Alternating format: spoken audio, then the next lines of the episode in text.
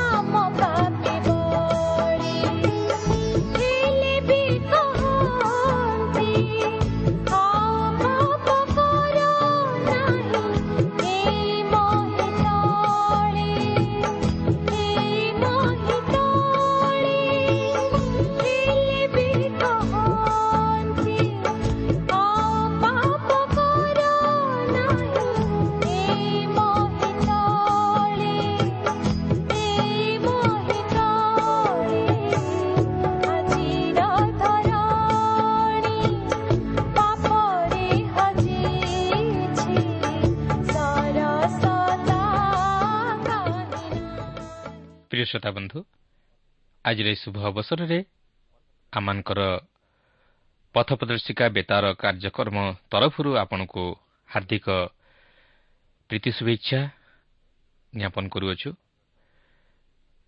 ଆପଣଙ୍କର ସହଯୋଗ ନିମନ୍ତେ ବିଶେଷ ଧନ୍ୟବାଦ। ଆପଣଙ୍କର ପ୍ରାର୍ଥନାର ଅନୁରୋଧ ରକ୍ଷା କରି ଆମେ ମଧ୍ୟ ଆପଣଙ୍କ ନିମନ୍ତେ ପ୍ରାର୍ଥନା କରୁଅଛୁ। ଆଉ ସେହି ପ୍ରଭୁ ଯୀଶୁ ନିଶ୍ଚିତ ଭାବରେ ଆପଣଙ୍କର ସମସ୍ୟା ସମାଧାନ କରିବେ। କିନ୍ତୁ ସେ ଚାହାନ୍ତି ଆମେ ଯେପରି ବିଶ୍ୱାସରେ ତାହାଙ୍କର ନିକଟବର୍ତ୍ତୀ ହେଉ ଆଉ ତାହାଙ୍କ ଉପରେ ନିର୍ଭର କରୁ ତାହେଲେ ସେ ଆମମାନଙ୍କର ସମସ୍ତ ଭାର ନେବେ। ଆସନ୍ତୁ ପ୍ରଭୁଙ୍କର ବାକ୍ୟ ମଧ୍ୟକୁ ଯିବା ପୂର୍ବରୁ ସଂକ୍ଷେପରେ ପ୍ରାର୍ଥନା କରିବା। ପବିତ୍ର ପ୍ରଭୁ ଆମମାନଙ୍କର ସୃଷ୍ଟିକର୍ତ୍ତା ଆମମାନଙ୍କର ଜୀବିତ ଈଶ୍ୱର ପ୍ରତି ବିଶ୍ୱସ୍ତ ପରମେଶ୍ୱର। ପ୍ରଭୁ ତୁମର ପବିତ୍ର ନାମର ଧନ୍ୟବାଦ କରୁଅଛି ସୁନ୍ଦର ସମୟ ପାଇଁ ତୁମର ଜୀବନ୍ତ ବାକ୍ୟ ପାଇଁ। ହଁ ପ୍ରଭୁ। ତୁମର ବାକ୍ୟ ମଧ୍ୟ ଦେଇ ହିଁ ତୁମେ ଆମମାନଙ୍କ ସହିତ କଥା କହିଥାଅ। ଆଉ ତୁମ ବାକ୍ୟର ଗଭୀର ମର୍ମକୁ ବୁଝିବା ନିମନ୍ତେ ତୁମେ ଆମମାନଙ୍କୁ ଜ୍ଞାନ ପ୍ରଦାନ କର। ସେହି ବାକ୍ୟ ଅନୁଯାୟୀ ଜୀବନଯାପନ କରିବା ପାଇଁ ଆମମାନଙ୍କୁ ଶକ୍ତି ଦିଅ। ଯେପରି ଆମେ ସରଳ ବିଶ୍ୱାସରେ ସରଳ ହୃଦୟରେ ଯେପରି ତୁମକୁ ଗ୍ରହଣ କରି ତୁମ ପଥରେ ଚାଲିବାକୁ ପାରିବ ଅନନ୍ତ ଜୀବନ ଅଧିକାରୀ ହେବାକୁ ପାରିବ ଏ ଅନୁଗ୍ରହ ଦାନ କର। ପ୍ରତ୍ୟେକ ଶ୍ରୋତାବନ୍ଧୁମାନଙ୍କୁ ତୁମେ ଆଶୀର୍ବାଦ କର। ଆଜିର ଏହି କାର୍ଯ୍ୟକ୍ରମ ମଧ୍ୟ ଦେଇ ପ୍ରଭୁ ତୁମେ ଆମମାନଙ୍କର ସହିତରେ କଥା କୁହ। ଯୀଶୁଙ୍କ ନାମରେ ମାଗୁଅଛୁ ଆମେନ୍।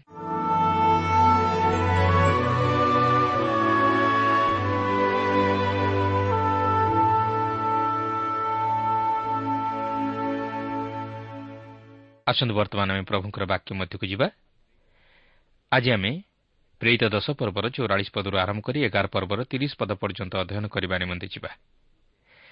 ଗତ ପାଠରେ ଆମେ ଦେଖିଥିଲୁ ଯେ ପିତର କର୍ଣ୍ଣିଲିଓଙ୍କ ଗୃହକୁ ଗଲେ ଆଉ ତାହାଙ୍କୁ ପ୍ରଭୁଙ୍କର ସମ୍ବାଦ ଜଣାଇଲେ। ଆଉ ସେ ସମ୍ବାଦର ଫଳ କ'ଣ ଥିଲା? ତାହା ଆଜି ଆମେ ଲକ୍ଷ୍ୟ କରିବା ପାଇଁ ଯିବା। ଦେଖନ୍ତୁ ପ୍ରେରିତ ଦଶ ପର୍ବର ଚଉରାଳିଶରୁ ଅଡ଼ଚାଳିଶ ପଦ ମଧ୍ୟରେ ଏହିପରି ଲେଖା ଅଛି ପିତର ଏହିସବୁ କଥା କହୁଥିବା ସମୟରେ ଯେତେ ଲୋକ ବାକ୍ୟ ଶୁଣୁଥିଲେ ସେହି ସମସ୍ତଙ୍କ ଉପରେ ପବିତ୍ର ଆତ୍ମା ଅବତରଣ କଲେ। ସେଥିରେ ପିତରଙ୍କ ସହିତ ଆଗତ ସୁନ୍ନତି ବିଶ୍ୱାସୀମାନେ ସମସ୍ତେ ବିଜାତିମାନଙ୍କ ଉପରେ ସୁଦ୍ଧା ପବିତ୍ର ଆତ୍ମାଙ୍କ ଦାନ ବୃଷ୍ଟି କରାଯିବା ଦେଖି ଆଚମ୍ବିତ ହେଲେ। କାରଣ ସେମାନେ ସେମାନଙ୍କୁ ବିଭିନ୍ନ ଭାଷାରେ କଥା କହୁଥିବା ଓ ଈଶ୍ୱରଙ୍କ ପ୍ରଶଂସା କରୁଥିବା ଶୁଣୁଥିଲେ। ସେତେବେଳେ ପିତର ଉତ୍ତର ଦେଲେ ଏହି ଯେଉଁ ଲୋକମାନେ ଆମମାନଙ୍କ ପରି ପବିତ୍ର ଆତ୍ମା ପ୍ରାପ୍ତ ହୋଇଅଛନ୍ତି ଏମାନେ ଯେପରି ବାପ୍ତିଜିତ ନ ହୁଅନ୍ତି ସେଥିନିମନ୍ତେ କି କେହି ଜଳ ନିଷେଧ କରିପାରେ? ପୁଣି ସେ ସେମାନଙ୍କୁ ଯୀଶୁଖ୍ରୀଷ୍ଟଙ୍କ ନାମରେ ବାପ୍ତିଷ୍ମ ଦେବା ନିମନ୍ତେ ଆଦେଶ ଦେଲେ। ପରେ ସେମାନେ କିଛି ଦିନ ରହିବା ପାଇଁ ତାଙ୍କୁ ଅନୁରୋଧ କଲେ। ଦେଖନ୍ତୁ ଏହି ଘଟଣାକୁ ବିଜାତିମାନଙ୍କର ପେଣ୍ଟିକଷ୍ଟ ଦିବସ ବୋଲି କୁହାଯାଏ। କାରଣ ବିଜାତିମାନଙ୍କ ଉପରେ ମଧ୍ୟ ପବିତ୍ର ଆତ୍ମା ଅବତରଣ କଲେ। ଏପରିକି ପିତର ଓ ତାହାଙ୍କ ସହିତ ଆଗତ ସୁନ୍ନତି ବିଶ୍ୱାସୀମାନେ ମଧ୍ୟ ଏହି ଘଟଣା ଦେଖି ଚମତ୍କୃତ ହୋଇଗଲେ। ଏପରିକି ସେମାନେ ଯେ ପବିତ୍ର ଆତ୍ମାଙ୍କର ଦାନ ପ୍ରାପ୍ତ ହୋଇଅଛନ୍ତି ତାହା ସେମାନଙ୍କର ପରଭାଷା କହିବାରୁ ଜଣାପଡ଼ିଗଲା। ଏତଦ୍ୱାରା ସିମନ ପିତର ଓ ତାହାଙ୍କ ସହିତ ଥିବା ବିଶ୍ୱାସୀମାନେ ଜାଣିବାକୁ ପାରିଲେ ଯେ ଈଶ୍ୱର ବିଜାତିମାନଙ୍କୁ ମଧ୍ୟ ଉଦ୍ଧାର କରନ୍ତି ଓ ସେମାନଙ୍କ ନିମନ୍ତେ ପବିତ୍ର ଆତ୍ମାଙ୍କୁ ମଧ୍ୟ ଦାନ କରନ୍ତି। ପିତର ଏହି ଘଟଣାକୁ ପରେ ପ୍ରକାଶ କରିବାକୁ ଯାଇ ଏହିପରି ଉଲ୍ଲେଖ କରନ୍ତି ଯଥା ଏହି ବିଜାତୀୟମାନେ ପ୍ରଭୁ ଯୀଶୁଖ୍ରୀଷ୍ଟଙ୍କଠାରେ ବିଶ୍ୱାସ କଲେ ଓ ଈଶ୍ୱର ମଧ୍ୟ ବିଜାତିମାନଙ୍କୁ ଅନୁତପ୍ତର ହୃଦୟ ପ୍ରଦାନ କଲେ ଯାହାକି ପ୍ରେରିତ ଏଗାର ପର୍ବର ସତର ଅଠର ପଦରେ ଲେଖା ଅଛି। ଏପରିକି ପିତର ଏହି ଘଟଣାକୁ ଦୃଷ୍ଟି ଆଗରେ ରଖି ପୁନର୍ବାର ଏହିପରି ପ୍ରେରିତ ପନ୍ଦର ପର୍ବର ସାତ ପଦରୁ ଏଗାର ପଦ ମଧ୍ୟରୁ ମଧ୍ୟ ପ୍ରକାଶ କରନ୍ତି। ତେବେ ପିତର ଏହିପରି କହିବାର ଉଦ୍ଦେଶ୍ୟ ହେଉଛି ଯେ ସେ ପ୍ରମାଣିତ କରିଦେବାକୁ ଚାହାନ୍ତି ଜିହୁଦୀମାନଙ୍କ ପ୍ରତି ପ୍ରଭୁ ଯୀଶୁଙ୍କର ଅନୁଗ୍ରହ ଓ ପବିତ୍ର ଆତ୍ମାଙ୍କର ଦାନ ଯେପରି ବର୍ତ୍ତିଥିଲା ସେହିପରି ବିଜାତିମାନଙ୍କ ପ୍ରତି ମଧ୍ୟ ପବିତ୍ର ଆତ୍ମାଙ୍କର ଦାନ ବର୍ତ୍ତି ଅଛି ଓ ସେମାନେ ପ୍ରଭୁ ଯୀଶୁ ଖ୍ରୀଷ୍ଟଙ୍କର ଅନୁଗ୍ରହ ଦ୍ୱାରା ମଧ୍ୟ ଉଦ୍ଧାର ପାଇଅଛନ୍ତି। ତେବେ ପିତର ଏପରି କହିବାର ଉଦ୍ଦେଶ୍ୟ ହେଉଛି ଯେ ସେହି ସମୟରେ ଜିହୁଦୀ ଲୋକେ ଭାବୁଥିଲେ ବିଜାତିମାନେ ଉଦ୍ଧାର ପାଇବା ଅସମ୍ଭବ। ସେମାନେ ପ୍ରଭୁ ଯୀଶୁଖ୍ରୀଷ୍ଟଙ୍କ ଅନୁଗ୍ରହର ଅଧିକାରୀ ହୋଇପାରିବେ ନାହିଁ। ଯଦିଓ ପ୍ରଭୁ ଯୀଶୁ ବିଜାତୀୟମାନଙ୍କର ଉଦ୍ଧାର ପାଇବା ବିଷୟ ନେଇ ସେମାନଙ୍କୁ ଜଣାଇ ଦେଇଥିଲେ ଏପରିକି ପିତରଙ୍କ ମନରେ ମଧ୍ୟ ସେହି ଚିନ୍ତାଧାରା ଥିଲା। ତେଣୁକରି ପ୍ରଭୁ ସେହି ଦର୍ଶନ ମାଧ୍ୟମରେ ପିତରଙ୍କୁ ଶିକ୍ଷା ଦେଇ ପିତରଙ୍କ ମନରୁ ସେହି ଭ୍ରାନ୍ତ ଧାରଣା ଦୂର କରିଦେଇଥିଲେ। ତେବେ ଏଠାରେ ଲକ୍ଷ୍ୟ କରିବାର ବିଷୟ ହେଉଛି ଯେ ପିତରଙ୍କର ପ୍ରଚାରରେ କର୍ଣ୍ଣିଲିୟ ନିଜେ ଓ ତାହାଙ୍କର ପରିବାର ଓ ତାଙ୍କର ବନ୍ଧୁମାନେ ମଧ୍ୟ ପ୍ରଭୁ ଯୀଶୁଖ୍ରୀଷ୍ଟଙ୍କଠାରେ ବିଶ୍ୱାସ କରି ପାପରୁ ଉଦ୍ଧାର ପାଇଲେ ଓ ସେମାନେ ଯୀଶୁଖ୍ରୀଷ୍ଟଙ୍କ ନାମରେ ବାପ୍ତିଜିତ ହେଲେ। ବାସ୍ତବରେ ଏହା ଥିଲା ପବିତ୍ର ଆତ୍ମାଙ୍କର କାର୍ଯ୍ୟ ଯାହାକି ସେ ପିତରଙ୍କ ଦ୍ୱାରା ସାଧନ କଲେ। କର୍ଣ୍ଣିଲିୟ ବିଜାତି ହେଲେ ମଧ୍ୟ ସେ ସେହି ସୁଷମାଚାରରେ ବିଶ୍ୱାସ କରିବା ଦ୍ୱାରା ପ୍ରଭୁ ଯୀଶୁଖ୍ରୀଷ୍ଟଙ୍କ ଅନୁଗ୍ରହ ଓ ପବିତ୍ର ଆତ୍ମାଙ୍କ ଦାନର ଅଧିକାରୀ ହେଲେ। ସେ ଓ ତାହାଙ୍କର ପରିବାର ଉଦ୍ଧାର ପାଇଲେ। ବିଜାତୀୟମାନଙ୍କ ମଧ୍ୟରେ କର୍ଣ୍ଣିଲ୍ୟ ହେଉଛନ୍ତି ପ୍ରଥମ ବ୍ୟକ୍ତି ଯିଏକି ପ୍ରଥମେ ଖ୍ରୀଷ୍ଟଙ୍କଠାରେ ବିଶ୍ୱାସ କରି ଉଦ୍ଧାର ପାଇଥିଲେ ଓ ଖ୍ରୀଷ୍ଟଙ୍କ ନିମନ୍ତେ ସାକ୍ଷୀ ହେଲେ। ଏଠାରେ ମୁଁ ପୁନର୍ବାର ଆପଣଙ୍କୁ ସ୍ମରଣ କରାଇଦିଏ ଯେ ଏହି ପ୍ରେରିତ ପୁସ୍ତକରେ ଆମେ ଯେଉଁ ତିନି ଜଣ ବ୍ୟକ୍ତିଙ୍କର ମନ ପରିବର୍ତ୍ତନ ବିଷୟ ନେଇ ଦେଖିଲୁ ସେମାନଙ୍କର ମନ ପରିବର୍ତ୍ତନ ଘଟଣାରେ ପବିତ୍ର ଆତ୍ମା ଈଶ୍ୱରଙ୍କ ବାକ୍ୟ ମଧ୍ୟ ଦେଇ ଈଶ୍ୱରଙ୍କ ଲୋକମାନଙ୍କ ଦ୍ୱାରା ତାହା ସାଧନ କଲେ। ପ୍ରଥମେ ଆମେ ଇଥିଓପିଆର ନପୁଂସକଙ୍କ ବିଷୟରେ ଦେଖିଲୁ ଯେ କି ହାମର ସନ୍ତାନ। ତାର୍ସର ସାଉଲଙ୍କ ବିଷୟ ନେଇ ଦେଖିଲୁ ଯେ କି ସେମର ସନ୍ତାନ। ଓ କର୍ଣ୍ଣିଲିୟଙ୍କ ବିଷୟ ନେଇ ଦେଖିଲୁ ଯେ କି ଜାଫେତର ସନ୍ତାନ। ଏହି ସେମ ହାମ ଓ ଜାଫେତ ନୁହଙ୍କର ତିନି ପୁତ୍ର ଥିଲେ। ଏହି ପ୍ରକାରେ ସୁଷମାଚାର ପ୍ରତ୍ୟେକ ଜାତି ଭାଷାବାଦୀ ଓ ଗୋଷ୍ଠୀଙ୍କ ନିକଟରେ ପ୍ରଚାରିତ ହେଲା ଓ ଯେଉଁମାନେ ଖ୍ରୀଷ୍ଟଙ୍କଠାରେ ବିଶ୍ୱାସ କଲେ ସେମାନେ ଉଦ୍ଧାର ପାଇଲେ ଓ ଆଜି ମଧ୍ୟ ଆମମାନଙ୍କ ନିମନ୍ତେ ସେହି ସୁସମାଚାର ପ୍ରଚାରିତ ହେଉଅଛି। ଯଦି ଆମେ ଖ୍ରୀଷ୍ଟଙ୍କଠାରେ ବିଶ୍ୱାସ କରୁ ତାହେଲେ ଆମେ ପାପରୁ ଉଦ୍ଧାର ପାଇ ଅନନ୍ତ ଜୀବନର ଅଧିକାରୀ ହେବା। ତେବେ ବର୍ତ୍ତମାନ ଆମେ ସେହି ପ୍ରେରିତ ପୁସ୍ତକ ଏଗାର ପର୍ବଟିକୁ ଅଧ୍ୟୟନ କରି ଆଲୋଚନା କରିବା ନିମନ୍ତେ ଯିବା ଓ ତହିଁରୁ ଆମର ଆଧ୍ୟାତ୍ମିକ ଜୀବନ ନିମନ୍ତେ କିଛି ଶିକ୍ଷା ଗ୍ରହଣ କରିବା। ଏହି ଏଗାର ପର୍ବରେ ପିତର କିପରି ତାହାଙ୍କର ପ୍ରଚାର କାର୍ଯ୍ୟକୁ ସମର୍ଥନ କରନ୍ତି ଓ ଆନ୍ତ୍ୟକ୍ଷାରେ କିପରି ସୁଷମାଚାର ପ୍ରଚାରିତ ହେଲା ତାହା ଆମେ ଲକ୍ଷ୍ୟ କରିବାକୁ ପାରିବା। ଶ୍ରୀ କର୍ଣ୍ଣିଲିଓଙ୍କ ଗୃହରେ କିପରି ବିଜାତୀୟମାନେ ପିତରଙ୍କ ପ୍ରଚାରରେ ମନ ପରିବର୍ତ୍ତନ କଲେ ସେହି ବିଷୟ ପିତର ପୁନର୍ବାର ଏହି ପର୍ବରେ ଉପସ୍ଥାପିତ କରନ୍ତି ଓ ସେ ସେହି ଜିରୁସାଲମରେ ଥିବା ବିଶ୍ୱାସୀମାନଙ୍କୁ ତାହା ସ୍ମରଣ କରାଇଦେବାକୁ ଚାହାନ୍ତି। ବିଜାତୀୟମାନେ ଯେ ପ୍ରଭୁଙ୍କର ବାକ୍ୟ ଗ୍ରହଣ କରି ମନ ପରିବର୍ତ୍ତନ କରିଅଛନ୍ତି ଏହି ବିଷୟ ଜିରୁସାଲମରେ ଥିବା ମଣ୍ଡଳୀର ବିଶ୍ୱାସୀମାନଙ୍କୁ କୌଣସି ଆନନ୍ଦ ଦେଇପାରିନଥିଲା ସେମାନେ ସେହି ବିଷୟ ନେଇ ପିତରଙ୍କୁ ପ୍ରଶ୍ନ କରିଥିଲେ। କାରଣ ବିଜାତିମାନେ ଯେ ଈଶ୍ୱରଙ୍କ ବାକ୍ୟ ଶୁଣି ମନ ପରିବର୍ତ୍ତନ କରିବେ ଏହା ସେମାନେ ବିଶ୍ୱାସ କରିପାରିନଥିଲେ ତେଣୁକରି ପିତର ସେମାନଙ୍କୁ ତାହାଙ୍କ ପ୍ରଚାରର ଯୁକ୍ତିଯୁକ୍ତ କାରଣ ଦର୍ଶାଇ ସେମାନଙ୍କୁ ତାହା ବୁଝାଇ ଦେଇଥିଲେ। ଏକ ଆଶ୍ଚର୍ଯ୍ୟର କଥା ଯେ ଆନ୍ତ୍ୟଖିଆ ପରବର୍ତ୍ତୀ ସମୟରେ ବିଜାତୀୟମାନଙ୍କୁ ନେଇ ଗଢ଼ି ଉଠିଥିବା ମଣ୍ଡଳୀଗୁଡ଼ିକର କେନ୍ଦ୍ରସ୍ଥଳ ରୂପେ ପରିଗଣିତ ହୋଇଥିଲା। ତେବେ ଦେଖନ୍ତୁ ପ୍ରେରିତ ଏଗାର ପର୍ବର ପ୍ରଥମ ତିନି ପଦରେ ଏହିପରି ଲେଖା ଅଛି ବିଜାତିମାନେ ମଧ୍ୟ ଯେ ଈଶ୍ୱରଙ୍କ ବାକ୍ୟ ଗ୍ରହଣ କରିଅଛନ୍ତି ଏହା ପ୍ରେରିତମାନେ ଓ ଜିହୁଦା ପ୍ରଦେଶରେ ଥିବା ଭାଇମାନେ ଶୁଣିଲେ। ଆଉ ଯେତେବେଳେ ପିତର ଜିରୁସାଲାମକୁ ଆସିଲେ ସେତେବେଳେ ସୁନ୍ନତି ଶିଷ୍ୟମାନେ ତାଙ୍କ ସହିତ ବିବାଦ କରି କହିଲେ ତେବେ ଅସୁନ୍ନତି ଲୋକମାନଙ୍କ ଗୃହରେ ପ୍ରବେଶ କରି ସେମାନଙ୍କ ସହିତ ଭୋଜନ କରିଅଛ। ଆପଣ ଦେଖନ୍ତୁ ପିତରଙ୍କର ଏହି ପ୍ରକାର ବିଜାତୀୟମାନଙ୍କ ମଧ୍ୟରେ ପ୍ରଚାର କରିବା ନେଇ ସମଗ୍ର ମଣ୍ଡଳୀ ସନ୍ତୁଷ୍ଟ ନଥିଲେ। ସେମାନଙ୍କ ମଧ୍ୟରେ ଏହି ବିଷୟ ନେଇ ସନ୍ଦେହ ଓ ବିବାଦ ଉପୁଜିଥିଲା। ସେମାନଙ୍କ ମଧ୍ୟରେ ସୁନ୍ନତି ବିଶ୍ୱାସୀ ଓ ଅସୁନ୍ନତି ଲୋକମାନଙ୍କୁ ନେଇ ଭେଦଭାବ ସୃଷ୍ଟି ହୋଇଥିଲା। କାରଣ ସେହି ସମୟରେ ମୋଷାଙ୍କ ବ୍ୟବସ୍ଥା ଅନୁଯାୟୀ ଜିହୁଦୀ ଲୋକେ ସେମାନଙ୍କର ଲିଙ୍ଗାଗ୍ର ଚର୍ମର ଛେଦନ କରୁଥିଲେ ଓ ସୁନ୍ନତି ବିଶ୍ୱାସୀରେ ପରିଣତ ହେଉଥିଲେ। ମାତ୍ର ଜିହୁଦୀ ଜାତିକୁ ଛାଡ଼ିଦେଲେ ଅନ୍ୟାନ୍ୟ ଜାତିର ଲୋକେ ସୁନ୍ନତ ବିଧି ଅବଲମ୍ବନ କରୁନଥିଲେ। ତେଣୁକରି ସେମାନଙ୍କ ସହିତ ଜିହୁଦୀ ଜାତିର କୌଣସି ସମ୍ପର୍କ ବା ସହଭାଗିତା ନଥିଲା। ମାତ୍ର ପିତର ସେହି ଅଣଜିହୁଦୀମାନଙ୍କ ମଧ୍ୟକୁ ଯାଇ ସୁଷମାଚାର ପ୍ରଚାର କରିବା ଦ୍ୱାରା ଓ ସେମାନେ ଈଶ୍ୱରଙ୍କ ବାକ୍ୟ ଗ୍ରହଣ କରି ମନ ପରିବର୍ତ୍ତନ କରିବା ଦ୍ୱାରା ପିତରଙ୍କୁ ସୁନତି ଶିଷ୍ୟମାନେ ଦୋଷାରୋପ କରିବା ପାଇଁ ଚାହିଁଥିଲେ ଓ ତାହାକୁ ମଧ୍ୟ ପ୍ରଶ୍ନ କରିଥିଲେ।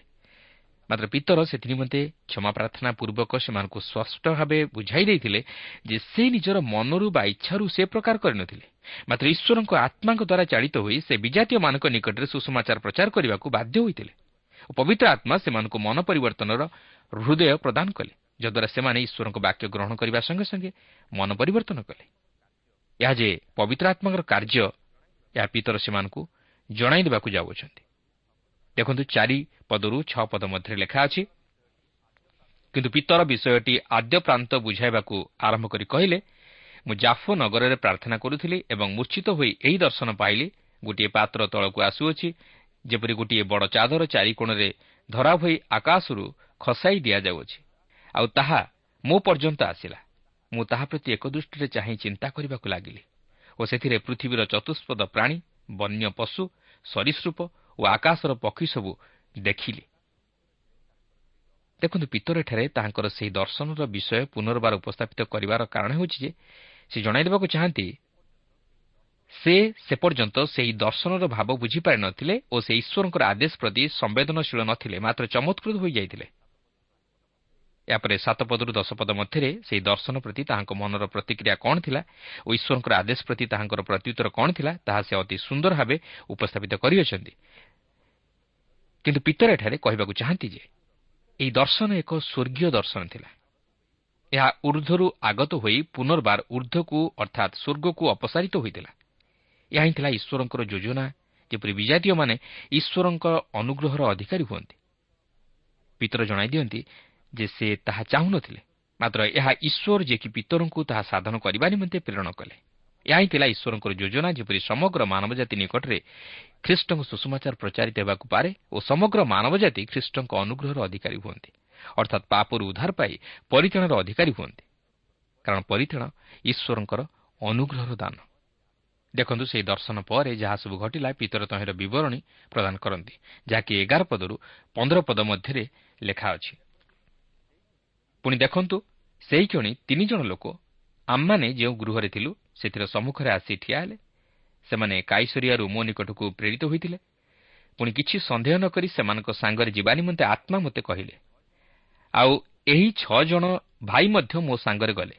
ପୁଣି ଆମ୍ଭେମାନେ ସେହି ବ୍ୟକ୍ତିଙ୍କ ଗୃହରେ ପ୍ରବେଶ କଲୁ।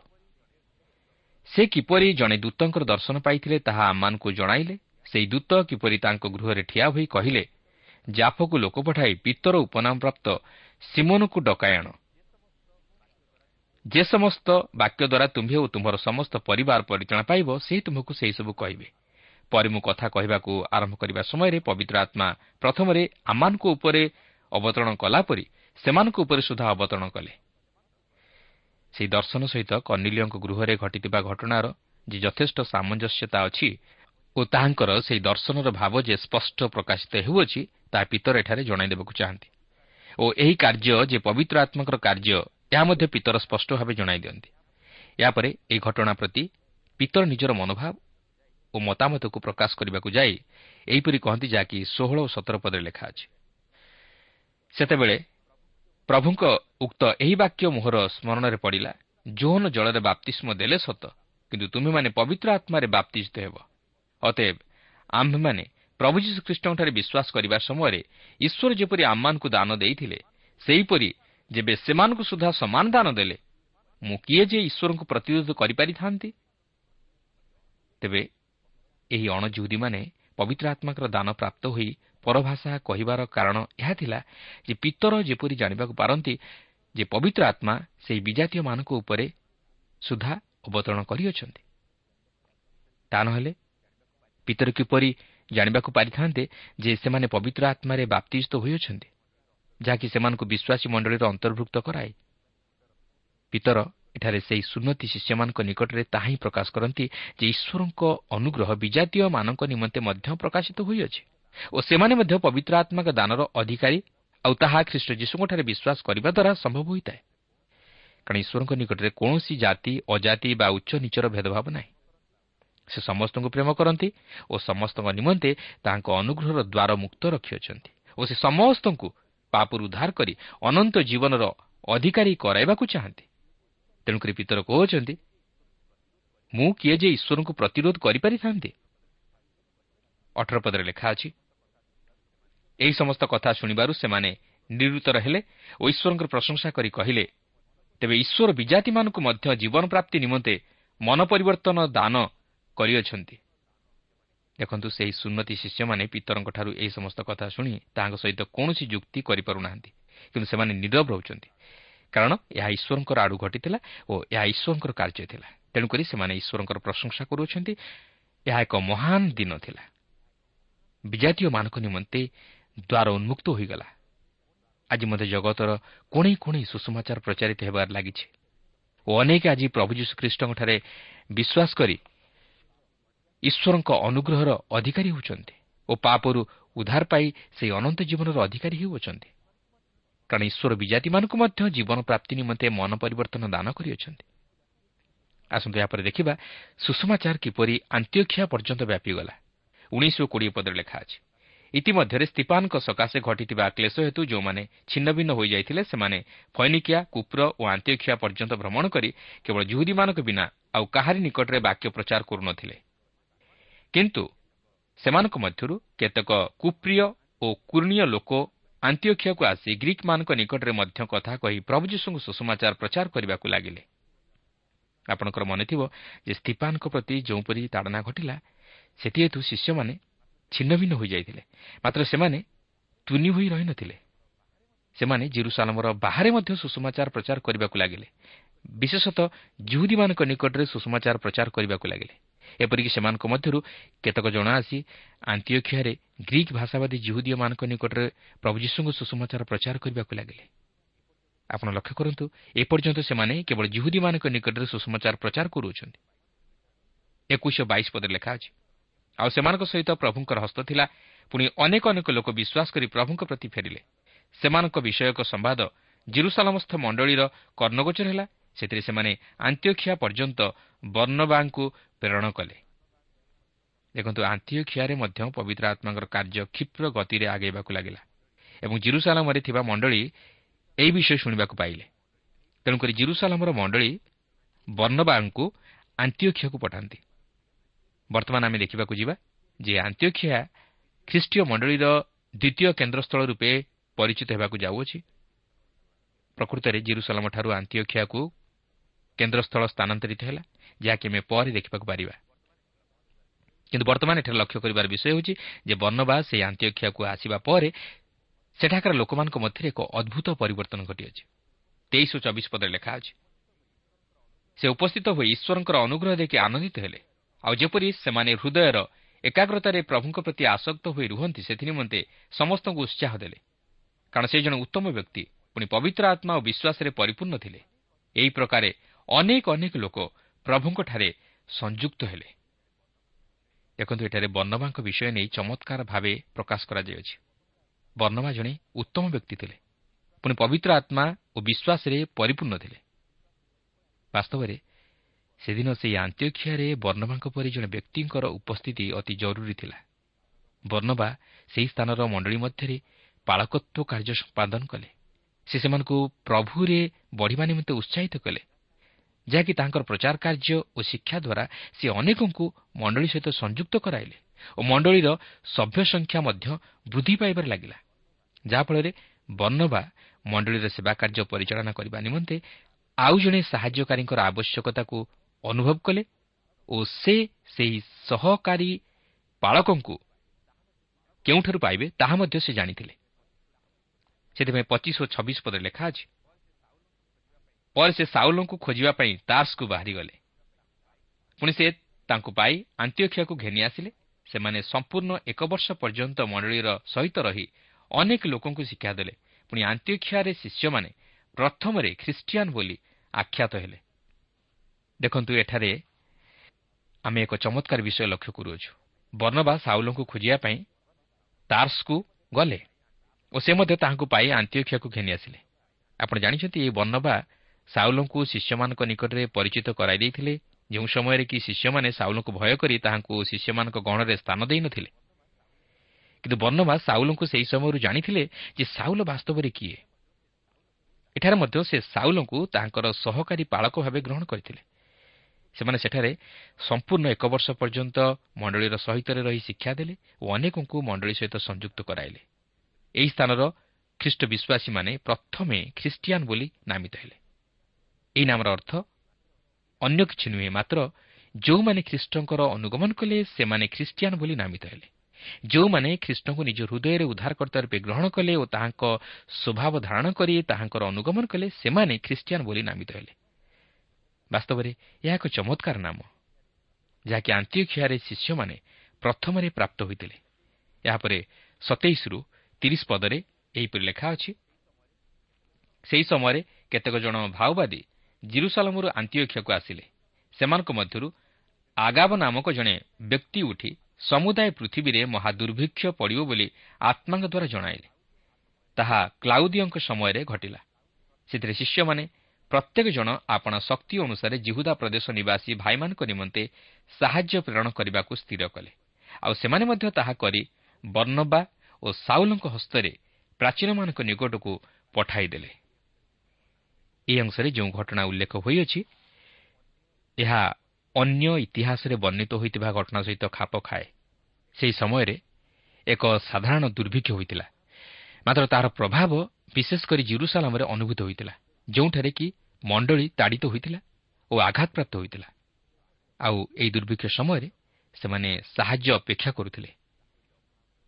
ଏହିପରି ଅଭାବର ସମୟରେ ଅନ୍ୟ ବିଶ୍ୱାସୀମାନେ ଏପରିକି ଏହି ଆନ୍ତ୍ୟଖିଆ ମଣ୍ଡଳୀର ବିଶ୍ୱାସୀମାନେ ଜିରୁସାଲମରେ ଥିବା ମଣ୍ଡଳୀ ନିକଟକୁ ସାହାଯ୍ୟ ପଠାଇଲେ। ବାସ୍ତବରେ ସେହି ଆଦ୍ୟ ମଣ୍ଡଳୀରେ ଯେଉଁ ପ୍ରକାର ପରସ୍ପର ମଧ୍ୟରେ ପ୍ରେମ ଏକତା ଓ ଏକମନର ମନୋଭାବ ଥିଲା ତାହା ଅତି ଚମତ୍କାର ଓ ବର୍ତ୍ତମାନର ଖ୍ରୀଷ୍ଟୀୟ ମଣ୍ଡଳୀ ସହିତ ଆଦ୍ୟ ମଣ୍ଡଳୀକୁ ତୁଳନା କଲେ ତାହା ଆକାଶ ପାତାଳ ପରି ମନେ ହୁଏ। ଆପଣ ଏଠାରେ ଆଉ ଏକ ଚମତ୍କାର ବିଷୟ ଲକ୍ଷ୍ୟ କରିବେ ଯେ ସେହି ଆନ୍ତିକ୍ଷିଆର ବିଶ୍ୱାସୀମାନେ ସେହି ସାହାଯ୍ୟ ବର୍ଣ୍ଣବା ଓ ସାଉଲଙ୍କ ହସ୍ତରେ ଜିରୁସାଲାମରେ ଥିବା ମଣ୍ଡଳୀ ନିକଟକୁ ପଠାଉଛନ୍ତି। ଯେଉଁ ସାଉଲ ଜିରୁସାଲାମରେ ଥିବା ମଣ୍ଡଳୀ ପ୍ରତି ଅତିଶୟ ତାଡ଼ନା ଘଟାଇଥିଲେ ଓ ମଣ୍ଡଳୀକୁ କ୍ଷତିଗ୍ରସ୍ତ କରାଇଥିଲେ ସେହି ସାଉଲ ଖ୍ରୀଷ୍ଟଙ୍କୁ ଜାଣିବା ପରେ ତାହାଙ୍କର ନିଜ ହସ୍ତରେ ଜିରୁସାଲାମରେ ଥିବା ମଣ୍ଡଳୀକୁ ସାହାଯ୍ୟ କରିବା ନିମନ୍ତେ ବିଶ୍ୱାସୀମାନେ ପଠାଇଥିବା ସାହାଯ୍ୟକୁ ନେଉଛନ୍ତି। ଯେପରି ଦୁର୍ଭିକ୍ଷ ସମୟରେ ମଣ୍ଡଳୀ ସାହାଯ୍ୟ ପାଇପାରନ୍ତି। ବାସ୍ତବରେ ଏହା କ'ଣ ଏକ ଚମତ୍କାର ବିଷୟ ନୁହେଁ କି? ହଁ ନିଶ୍ଚୟ। ପ୍ରଭୁ ଚାହାନ୍ତି ଆମେ ମଧ୍ୟ ସେହିପରି ଖ୍ରୀଷ୍ଟଙ୍କର ବିଶ୍ୱାସୀ ଓ ବିଶ୍ୱାସିନୀ ହିସାବରେ ମଣ୍ଡଳୀର ଯତ୍ନ ନେଉ। ପ୍ରଭୁଙ୍କ ସେବକମାନଙ୍କର ଅଭାବ ପ୍ରତି ଦୃଷ୍ଟି ଦେଉ। ପାଳକ ଓ ପ୍ରଚାରକମାନଙ୍କର ଅଭାବ ପ୍ରତି ଦୃଷ୍ଟି ଦେଉ। ମଣ୍ଡଳୀର ଅଭାବ ପ୍ରତି ଦୃଷ୍ଟି ଦେଉ। ମଣ୍ଡଳୀ ମଧ୍ୟରେ ପ୍ରେମ ଏକତା ରକ୍ଷା କରୁ। ପରସ୍ପରକୁ ଉତ୍ସାହିତ କରୁ। ବାକ୍ୟ ପ୍ରଚାର କରି ଓ ପ୍ରଭୁଙ୍କ ବିଷୟରେ ଶିକ୍ଷା ଦେଇ ଅନ୍ୟ ଦୁର୍ବଳ ବିଶ୍ୱାସୀମାନଙ୍କୁ ଉତ୍ସାହ ଦେବା ସଙ୍ଗେ ସଙ୍ଗେ ସେମାନଙ୍କୁ ମଣ୍ଡଳୀର ସହଭାଗିତା ମଧ୍ୟରେ ଅଂଶୀ କରାଉ। ମାତ୍ର ସେମାନଙ୍କର ସମାଲୋଚନା ନ କରୁ। ମଣ୍ଡଳୀର ବାହିକ ଅଭିବୃଦ୍ଧି ଉପରେ ବିଶେଷ ଦୃଷ୍ଟି ନ ଦେଇ ଆତ୍ମିକ ଅଭିବୃଦ୍ଧି ଉପରେ ବିଶେଷ ଗୁରୁତ୍ୱ ଦେଉ। ତାହେଲେ ଆଜିର ଖ୍ରୀଷ୍ଟୀୟ ମଣ୍ଡଳୀ ସୁଦୃଢ଼ ହୋଇପାରିବ ଓ ଖ୍ରୀଷ୍ଟ ମଧ୍ୟ ଗୌରବାନ୍ୱିତ ହୋଇପାରିବେ।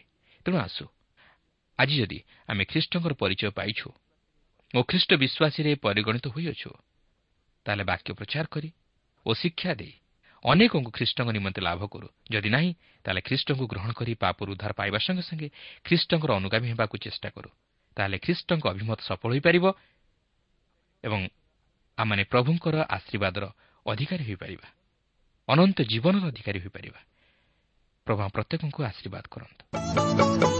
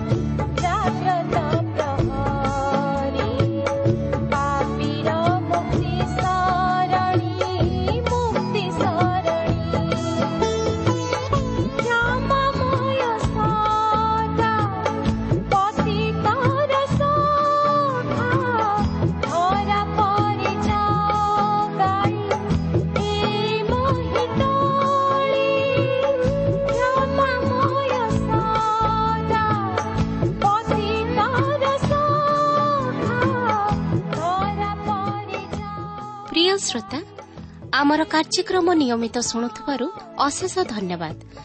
ଆପଣ ଏହି କାର୍ଯ୍ୟକ୍ରମ ଶୁଣିବା ଦ୍ୱାରା ଆତ୍ମିକ ଜୀବନରେ ଉପକୃତ ହୋଇପାରିଥିବେ ବୋଲି ଆମର ବିଶ୍ୱାସ।